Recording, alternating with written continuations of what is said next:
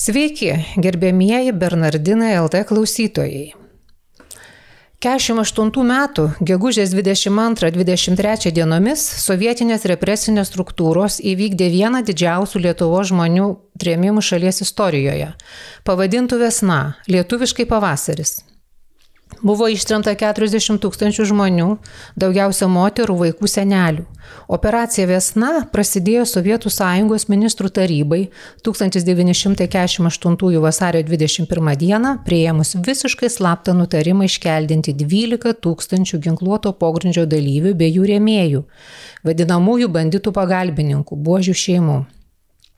Mūsų redakcijoje lankosi istorikė Greta Paskočiumaitė, Tyrianti Lietuvos istorinio pasakojimo svarbą laisvės kovotojams ir jų rėmėjams, bei atminties svarbą partizaninio pasipriešinimo kovotojų šeimose.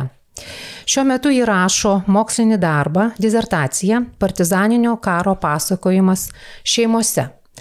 Tai aš norėčiau gerbiamos Gretos paklausti apie kartą, kuri gimė tarp 1910-1922 metų.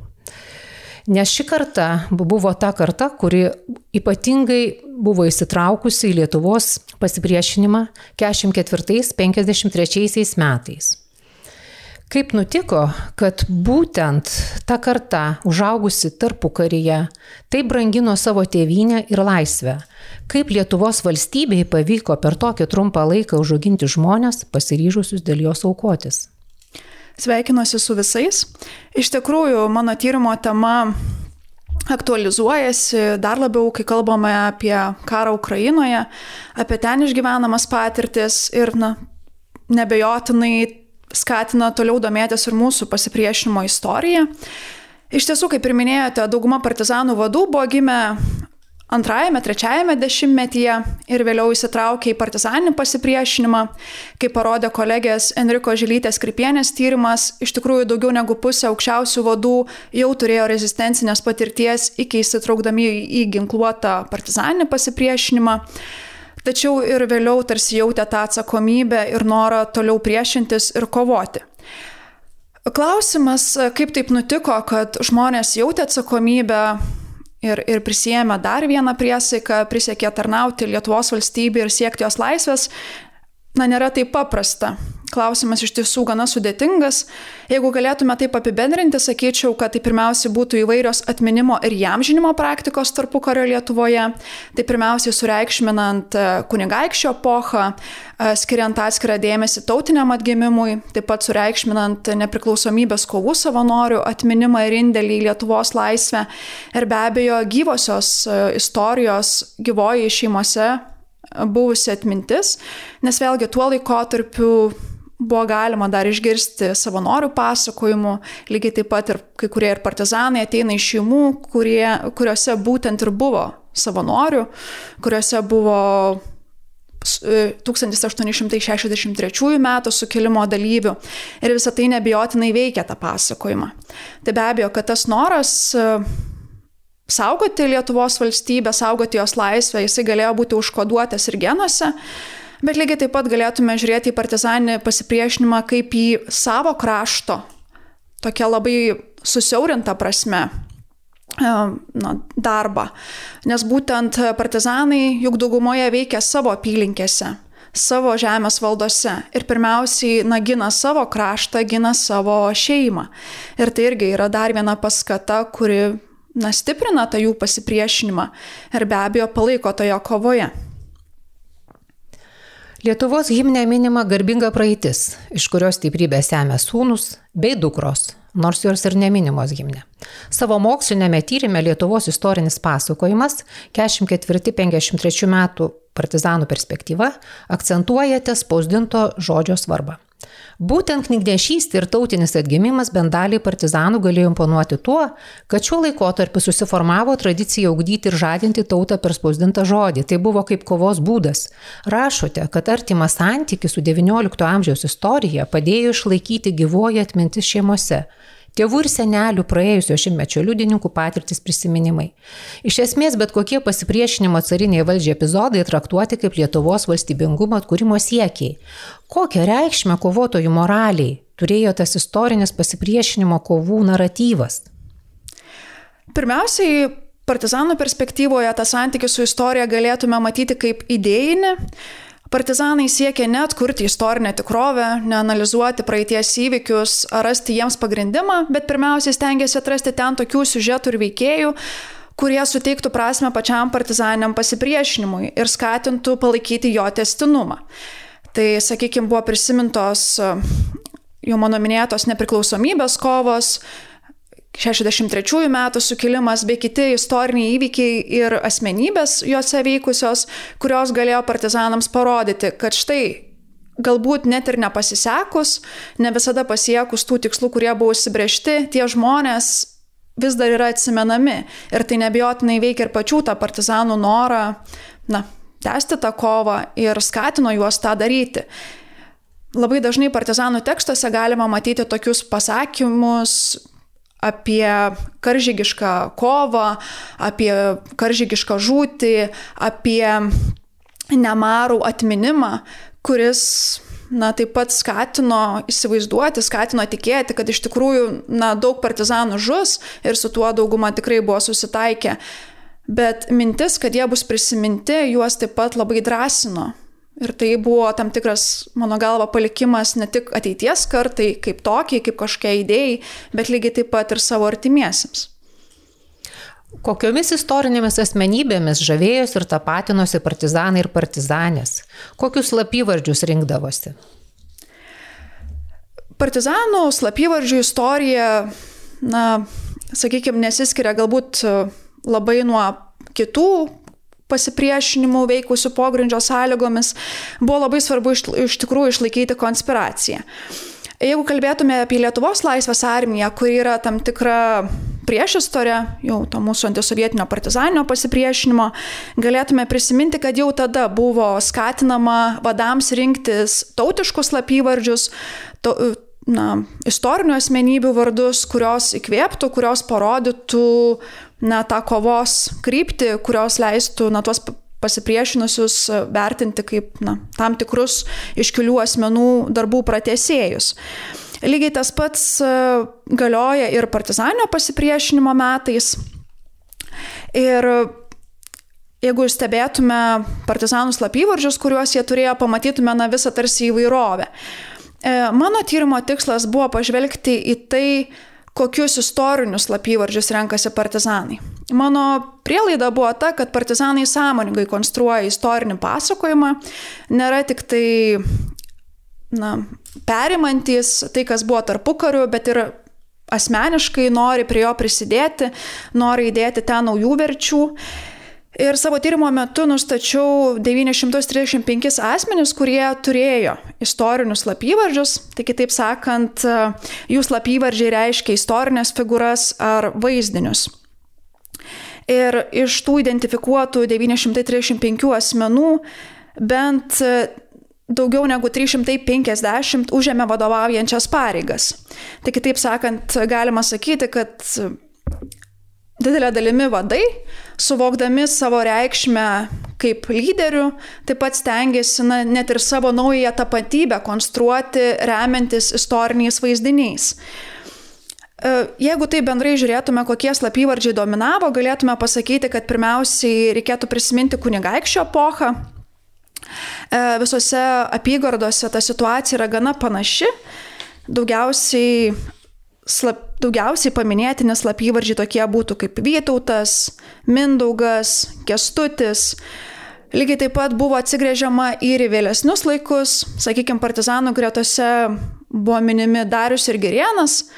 Kartais netgi žiūrint būrio sąrašą gali aptikti, kad nėra Dariaus be Gerieno, kad jie abu veikia.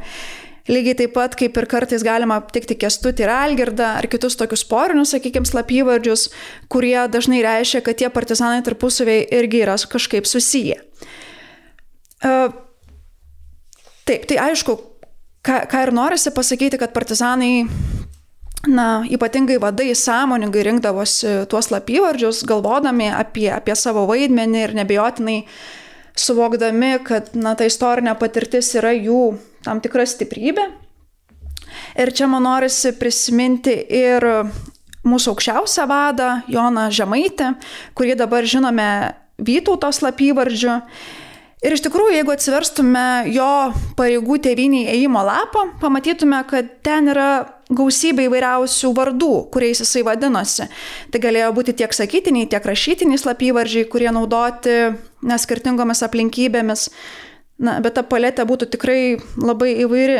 Ir Liudas, Darius, Romas, Andrius, Varis, Simas, Jocius ir kiti na, tiek gamtiniai vardai, tiek, sakykime, šventųjų vardai, tiek, na, šiaip tarsi didelės istorinės reikšmės ar, ar bendrai reikšmės neturintis vardai.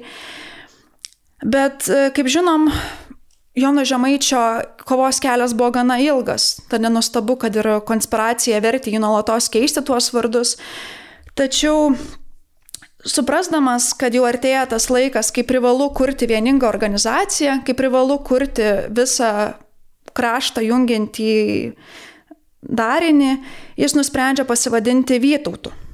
Na, pasirenka be neiškeliausio mūsų, partiza, e, mūsų kunigaikščio vardą, na, nebejotinai tikėdamas, kad jis gali būti kaip tas e, karžygys iš praeities ir vesti savo kovotojus į priekį.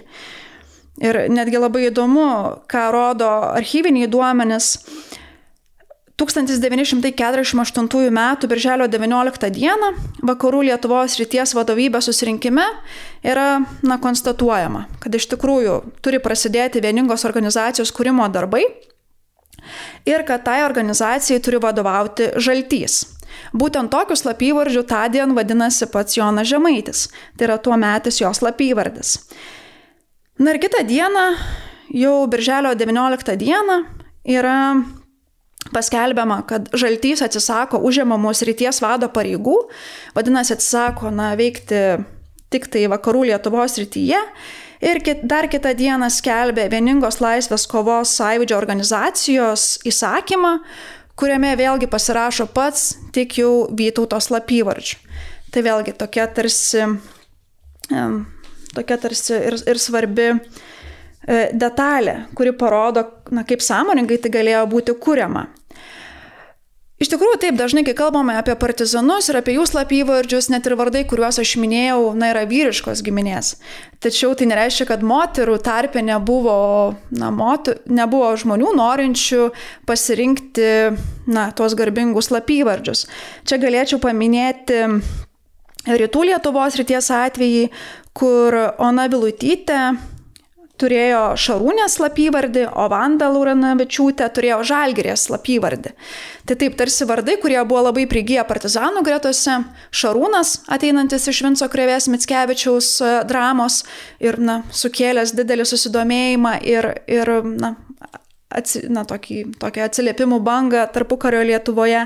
Ir be abejo Žalgeris kaip na, didžiausia pergalė prieš e, priešus irgi na, turėjo tą tokį atliepimą Ir, ir buvo suvokti, ir na štai moteris irgi tuos lapyvardžius rinkosi ir taip pat galėjo juos turėti. Nors aišku, jeigu tai bendrai žiūrėtume, tai matytume įvairiausius lapyvardžių, kurie reiškia ir žmogaus būdo bruožus, išvaizdos bruožus, na ir bet ką kitą, galų galę atliepia gamtos vaizdus, į kuriuos partizanai irgi aišku atsiremdavo. Mhm. Dėkui. Dabar prieš pereidama prie kito klausimo, tiesiog norėčiau E, pastebėti, kad patys partizanai, ką jūs ir savo tyrimę nurodėte, pradėjo archivuoti, jie išvelgė to perdavimo, to pasakojimo, to baisaus pasipriešinimo, baisia jėgai svarbą. Jie pradėjo archivuoti visus uh, savo, visus faktus ir jam žinti asmenybės, kurios dalyvavo pasipriešinime.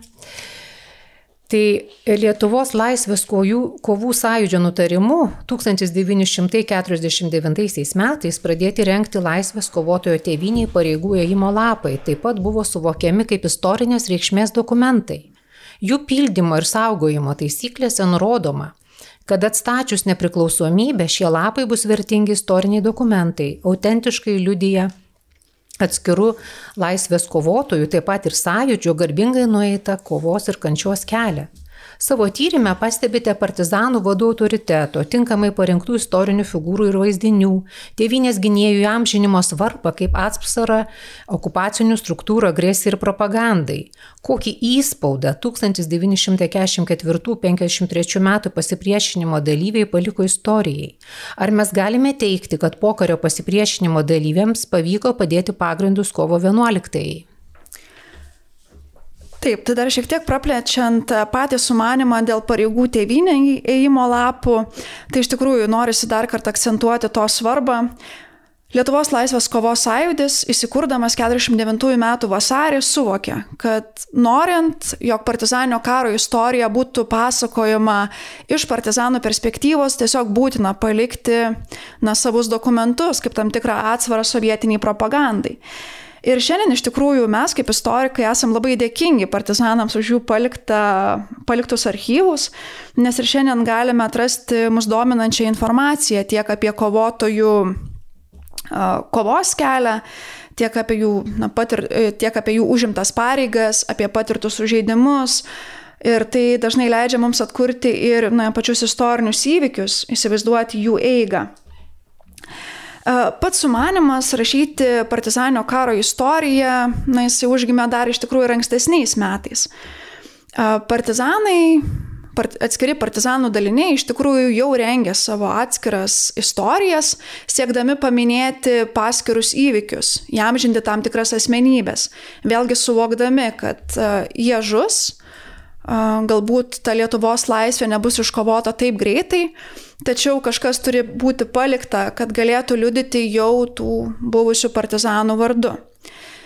Nebejotinai didelės įtakos tam turėjo Juozas Šibaila Merainis, šiandien na, pagristai vadinamas Lietuvos laisvės kovos sąjūdžio ideologu, kuris iš tikrųjų kreipėsi į paskirus partizanų dalinius, prašydamas fiksuoti duomenis, kuo plačiau juos aprašyti, aprašyti kovotojus, aprašyti jų kasdienybę, aprašyti jų patiriamus išgyvenimus, vien tam, kad ta informacija būtų archivuojama ir paliekama ateities kartoms. Iš tikrųjų ir šiandien dar kartais išgirstame apie atrandamus archyvus. Sunku pasakyti, kiek jų yra dar netrastų, kiek dar mūsų laukia, kiek galbūt jau ne, negrįžtamai yra suirę, Tačiau, na, partizanų tas siekis buvo gana aiškus ir akivaizdus. Šiandien taip pat yra publikuotos įvairios partizanų dalinių istorijos, kurios na, leidžia atkurti tam tikrus įvykius. Čia galėčiau paminėti Vyčio apygardoje veikusios Pavelo Lukščio e, būrio istorijos autorių Vladą Krikščiūną Balandį, kuris aprašo na, būrio istoriją nuo pat 45 metų iki 49 kai žūsta jo bendražygis ir jisai ne tik aprašo na, tokius kasdienius epizodus, ne tik paskirus istorinius įvykius, bet bando ir pagrysti partizanų įsitraukimą į pasipriešinimą. Na, kodėl buvo to siekiama, kodėl buvo na, randama ta motivacija pasipriešinti ir jis taip pat sako, kad na, iš esmės nebuvo kito kelio, kad tai buvo situacija, kurioje te buvo vienintelė galimybė būtent pasipriešinti. E, lygiai taip pat toje pačioje apygardoje žaliosios rinktinės vadas Stanislavas Kulys Visvaldas taip pat aprašo asmenybės ir įvykius nuo 44 iki 51 metų Ir savo užrašuose jis konstatuoja na, liūdną faktą, kad iš tikrųjų daug dokumentų yra žuvę, daug žmonių galinčių paliudyti tas istorijas taip pat nebėra, bet jis bandydamas na, atkurti iš tų archyvų liukučių informaciją, taip pat bandydamas na, pakalbinti dar gyvus bendražygius, stengiasi tą informaciją užrašyti. Tai be abejo, kad tos istorijos, tie archyvai, na, sovietinės okupacijos metais negalėjo būti na, atskleidžiami buvo, kilai, na, buvo tie, kas žinojo, kur yra paslėpti archyvai, be abejo, tylėjo. Dalis, aišku, ir nesulaukė tos nepriklausomos Lietuvos, nebegalėjo paliudyti. Ir tik tai, na, kaip ir minėjau, šiandien dar ieškom tų, na, siū, siūlų, galiukų, bandydami, atrasti tai, kas mums iš tikrųjų svarbu. Ir tarsi galėtume sakyti, kad šitą partizanio karo istoriją, pasakojimą partizanų lūpomis tarsi ir nutrūksta. Ji lieka dažniausiai šeimų lygmenį, taip pat lieka tam tikras bendravimas tarp kai kurių partizanio pasipriešinimo dalyvių, tiems, kuriems pavyko išlaikyti ryšius ir, ir juos įsaugoti ir galų gale na, išlaikyti tą norą kalbėti šitomis temomis, kad ir paslapčiomis. Bet kai mes kalbam apie Lietuvos nepriklausomybės atkūrimą jau 90-ame dešimtmetyje, na, turim pasakyti, kad ta kovotojų dvasia niekur nebuvo dingusi. Čia ko ne geriausias atvejis yra Leono Laurinsko. E, na, partizanio karo metais jis buvo žinomas liūtos slapyvardžiu ir tai buvo na, buvęs kovotojas, atkentėjęs, buvęs lageryje. Ir, tai, ir jis pirmasis 88 metais, birželio 14 dieną, per mitingą viešai iškelė Lietuvos trispalvę katedros aikštėje. Na tai tarsi žmogus, kuris na, priešinosi, kuris dėl to nukentėjo, jis na, perima tą estafetę ir, ir sąjūdžio metais net ir ginant Lietuvos e, parlamentą, sausio įvykio, įvykių metu yra prisiminta, kad jis kreipėsi į ten buvusius na, naujus jau bendražygius, kurie nusprendžia ginti parlamentą ir sako, kad mes Lietuvos partizanai jau atlikome savo pareigą Lietuvai, dabar jūsų eilė ir kad jūs esate mūsų įpėdiniai. Tai yra visiškai tarsi toks tiesioginis to perimimas. Lygiai taip pat, na, pastaruoju metu nemažai buvęs Konstitucinio teismo pirmininkas Dainių Žalimas kalba apie tai, kad 1949 m. Lietuvos laisvės kovos sąjūdžio tarybos deklaracija yra vienas pamatinių konstitucinių aktų. Ir jie gali būti statoma greta Lietuvos tarybos 1918 m. vasario 16, 16 dienos akto ir lygiai taip pat na, greta kovo 11 akto dėl Lietuvos nepriklausomybės atstatymo. Tai na, vėlgi dar vienas toks ir teisinis e, požiūris, kuris pagrindžia, kad na, galima kalbėti apie tai, kad ta kova nenutrūko.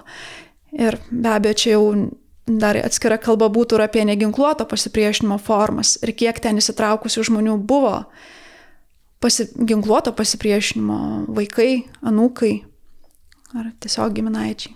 Hmm. Dėkui, Greta. E, norėčiau pereiti šiek tiek prie tos jūsų dabartinio mokslinio darbo temos apie partizaninio karo pasakojimą šeimose, reiškia tas perdavimas, e, kalbėjimas šeimose apie patirtis, ką teko patirti partizanams, jų šeimoms, jų sesėms, jų broliams, jų tėvams, E, vat minėjote, kad tyrimė patys partizanai užaugę tarpukario Lietuvoje irgi rėmėsi tokiais pasakojimais, tai formavo juos kaip asmenybę, turiu mintyje 1863-64 metų sukilimą, kuris yra palikęs pėtsaką daugeliu šeimų Lietuvoje. Tai čia, kaip čia buvo, esame girdėję, kad sovietmečių žmonės bijodavo tiesiog dalintis tais visais prisiminimais, jie bijodavo, nenorėdavo ir pakengti, ir norėdavo apsaugoti savo vaikus. Aš, pavyzdžiui, esu girdėjusi iš vienos savo herojas, e, kad jinai augino dukrą, kuriai nieko nepasakojo, ką teko patirti, kokius gulagus. Jinai buvo partizanų prieimėja, pagalbininkė. Va, ir e, dukra, kai stojo į pionierių organizaciją ir kaip atėjo namo su tuo kaklaraiščiu, tėvai labai ant jos supyko, apšaukė apriekį ir dukra liko taip ir nesupratusi, kas čia tokio nutiko ir ką jinai netai padarė. Tiesiog vaikai nežinodavo. Tai vad man įdomu jūsų tyrimas, jūs rašote darbą, kaip, kaip vis tik tai daugumoje, kokią jūs darote išvadą. Ar žmonės, e, tarkim, sovietmečių, suprantu, dabar yra atverti atvirai žmonės gali kalbėti apie tai, ką patyrė ir kalbėti, ir rašyti. Bet sovietmečių, kai buvo, nesgi užaugo ne viena karta sovietmečių, ką jinai perėmė iš tų m, savo tėvų, iš savo senelių, gal pasidalintumėt. Taip, tai iš tikrųjų, kaip ir minėjot, sovietinės okupacijos metais kalbėjimas buvo labai apribotas. Visų pirma, tai buvo ir valstybės pozicija, kuri turėjo didelės įtakos tam, kad žmonės tylėjo, bijodami nuo pasikartosiančių represijų, lygiai taip pat stengiasi apsaugoti savo artimuosius, pirmiausia vaikus, nuo tų išgyvenimų, kuriuos na, patyrė patys būdami pasipriešinimo dalyviais. Tačiau man atrodytų, kad yra gana sudėtinga pasakyti, ar tikrai buvo visiška tyla sovietinės okupacijos metais. Ką, mano, e, ką rodo mano tyrimas, iš tikrųjų esama nemažai atvejų, kai buvo kalbama sovietinės okupacijos metais, kai tėvai pasakodavo savo vaikams apie patirtus išgyvenimus, tačiau čia vėlgi galima dėti to, nubrėžti tokią ribą. Buvo kalbama apie partizanus, Bendrai apie partizanišką būtį buvo prisimenamos partizaniškos dainos, šeimose buvo galima na, suvokti ir lietuviškus simbolius, sakykime, trispalvę vyti.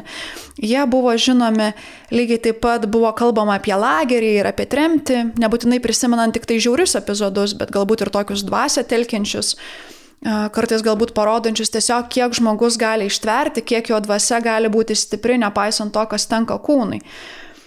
Bet sudėtingumas yra tame, tada, kai pradedu klausti savo patikėjų, o ar ką nors girdėjote iš savo artimųjų apie tardymus, apie arešto laikotarpį, kuris, na, partizanio karo dalyvių istorijose tikrai užėmė svarbę dalį. Ir labai dažnai sulaukiu atsakymo, kad sovietinės okupacijos metais nežinojome, galbūt ir dabar nežinome, nebent yra kažkur publikuotų šaltinių, nebent tas artimasis kažkur viešai tai pasakojo, galbūt kažkas kitas pasakojo ir tada tas žinojimas buvo perimtas tokiu būdu, bet jokių būdų netiesiogiai. Um, Sakykime, keli atvejai galbūt tokie na, labiausiai sukrėtę arba, arba taip, na, įdomumą sukėlę. Sakykime, viena iš, partizan, viena iš partizanių, kuris sulaukė nepriklausomos Lietuvos, Ji buvo gana aktyvi nepriklausomybės pradžioje, e, leido ir knygas, ir, ir jos pasakojimai, na, sklido po savo kraštą. Bet kai kalbu su jos dukra, ji sako, aš visai neseniai sužinojau, kad mano mama nematė vieną akimi. Ne, ir ta na, trauma liko būtent po to, kai bandė timti savo gyvybę bandė laikytis to tarsi tokio partizaniško nusistatymo, kad geriau nepasiduoti gyvam, kad nieko neišplepėtum, kad neišduotum bendražygių, kad, žodžiu, nepakenktum daugiau šeimai. Na, ta partizanė būtent ir bandė net ir kelis kartus atimti savo gyvybę, bet jos artimieji, na, apie tai nežino. Tiesiog jos artimiausia aplinka. Ir, na, skaito tuos duomenis iš istorikų duomenų, iš istorinių knygų ir tada na, apie tai sužino. Sakykime, na, kiti atvejai, vėlgi kita partizanų ryšininkė, vyriausios vadovybės ryšininkė, ji irgi taip pat buvo sulaikyta, suimta ir, na, seko tuo pačiu keliu, bando atimti savo gyvybę. Būdama medikė, na, išeina į partizaninį karą, būdama medicinos studentė, ji turi tokį sumanimą, na, tarsi tokį žinojimą, kad jeigu dursi adata kažkur link širdies, jinai ten nukeliaus ir, na, tiesiog turite nebeprabus. Jinai tuo keliu ir, ir nužengia. Ir jinai prabunda, tas nusižudimas nepavyksta, jį išgyvena. Ir visą gyvenimą jinai, na, prie savo širdies nešiojasi tą adatą.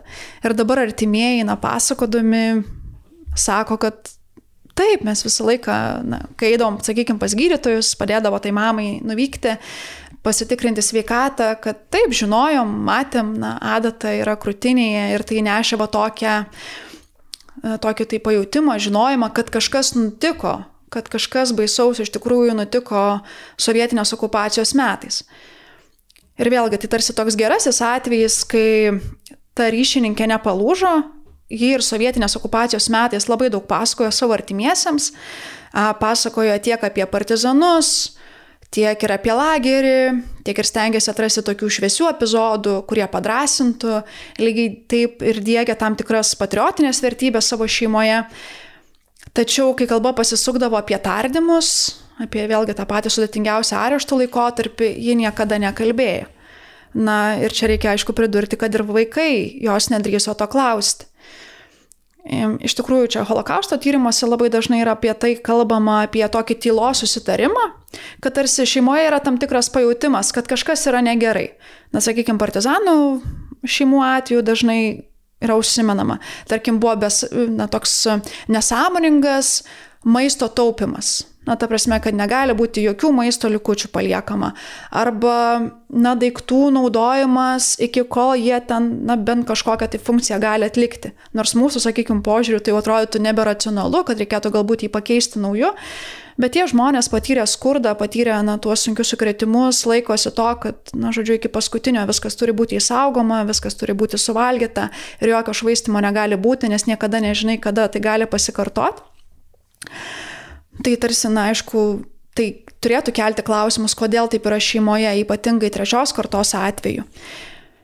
Bet e, tėvai nepasakoja, bijodami tiek ir sukrėsti tos savo šeimų narius, tiek ir vaikai neklausia. Ir tada jau tą vietą, tą tuščią vietą užima fantazija.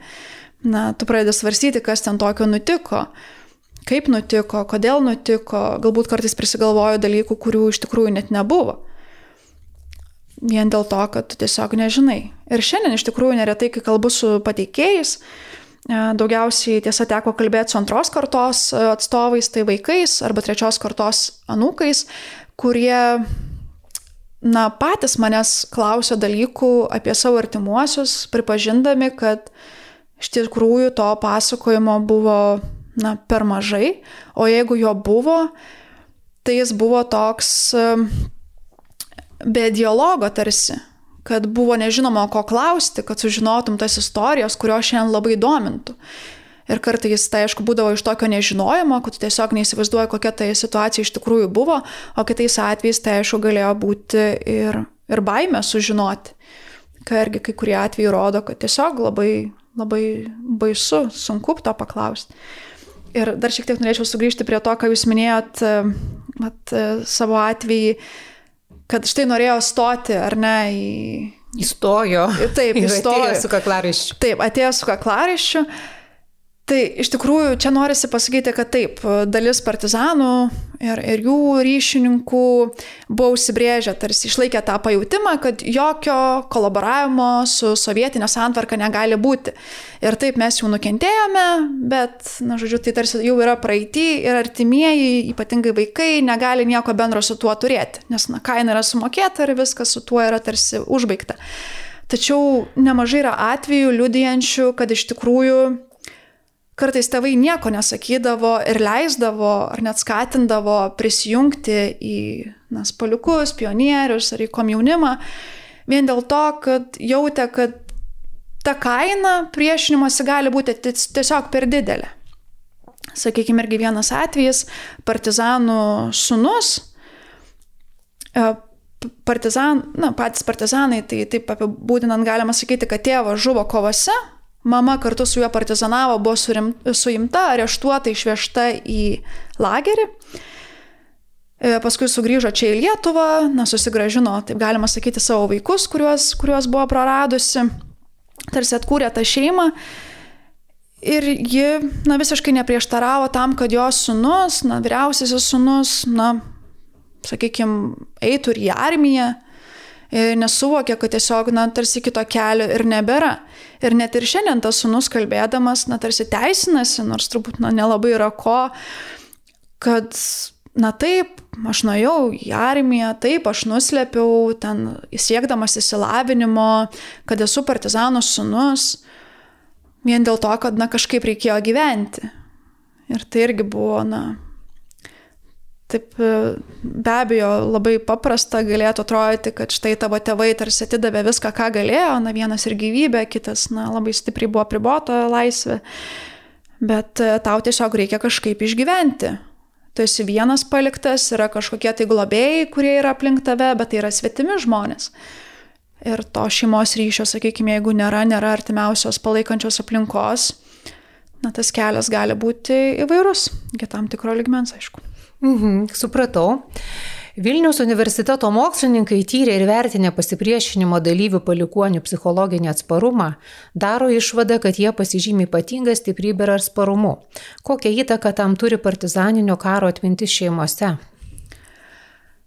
Taip, tai iš tikrųjų Vilniaus universiteto psichologai nemažai yra tyrinėję represuotų asmenų psichologinę būklę, taip pat vis daugiau dėmesio yra skiriama ir vėlesnių kartų e, savijautai, vėlgi parodant, kad tos išgyventos traumos persidoda iš kartos į kartą ir turi tam tikros įtakos. Tai jeigu tai bendrai žiūrėtume ir apie patį pasakojimą, tai partizanus pasakojimas jungia, tai tapo jų tarsi tokio bendru, na, bendruomenės tapatybės kūrimo dalimi. Būtent tuo buvo remiamasi. Ir tam, kad tas pasakojimas būtų išlaikytas, pirmiausia, aišku, reikėjo turėti tokių patikimų žmonių, na, būri. Tai be abejo, jeigu buvo galimybių išlaikyti ryšius su būsiais bendražygiais, tuomet tai buvo daroma, bet lygiai taip pat turbūt atrastume daugybę šeimų, kurios susikūrė, na, abiems e, asmenims būnant e, tremtiniais, pavyzdžiui.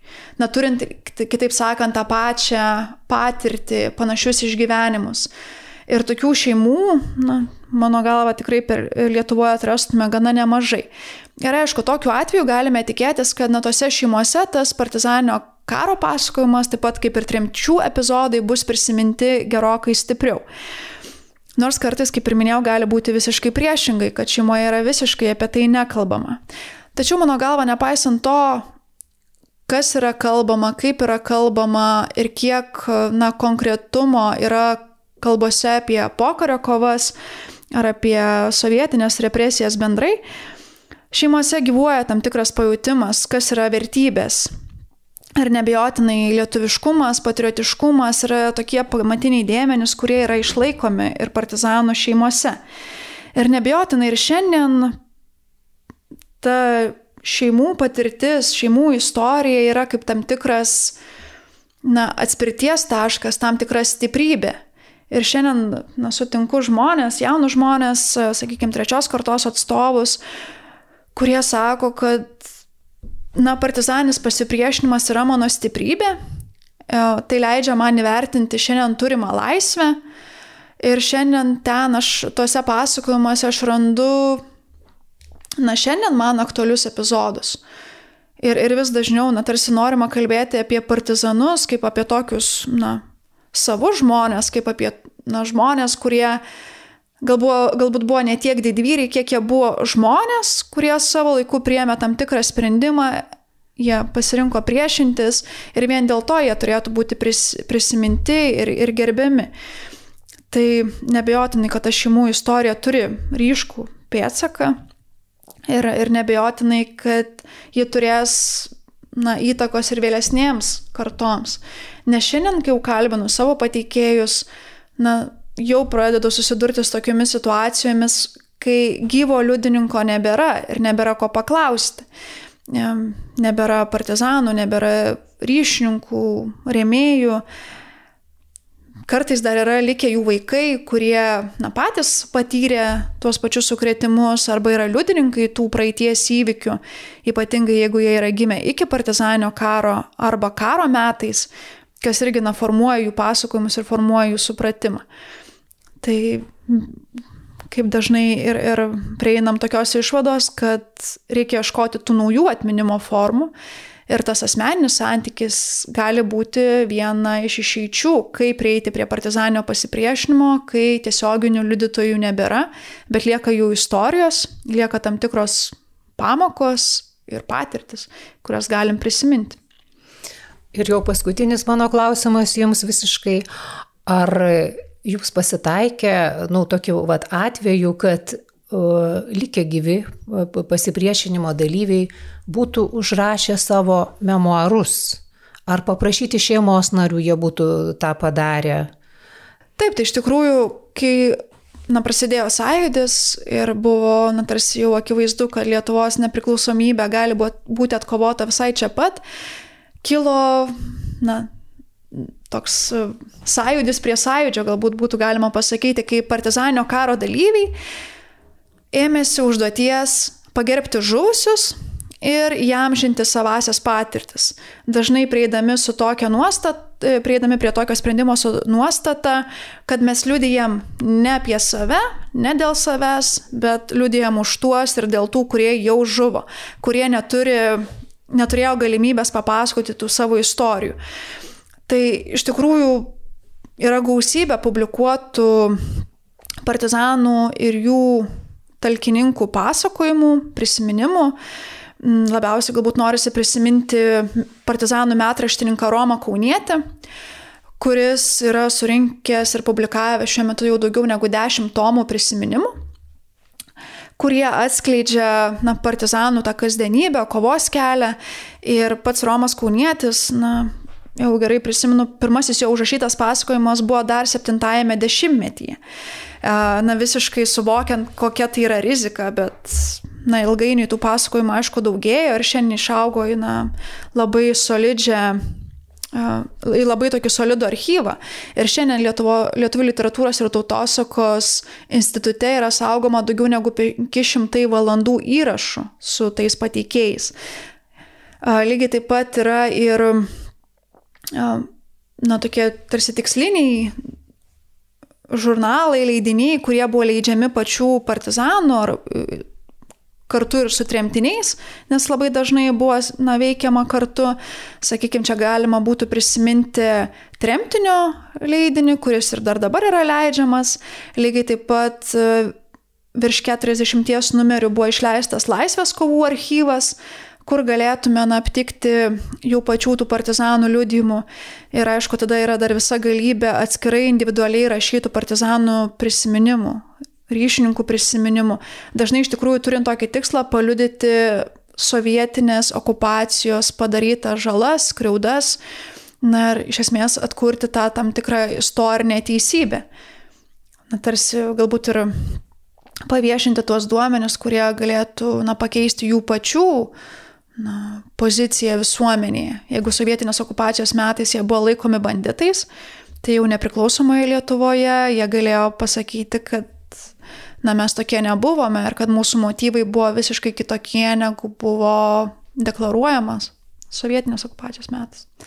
Dėkui, gerbiama Greta, už puikų pasakojimą.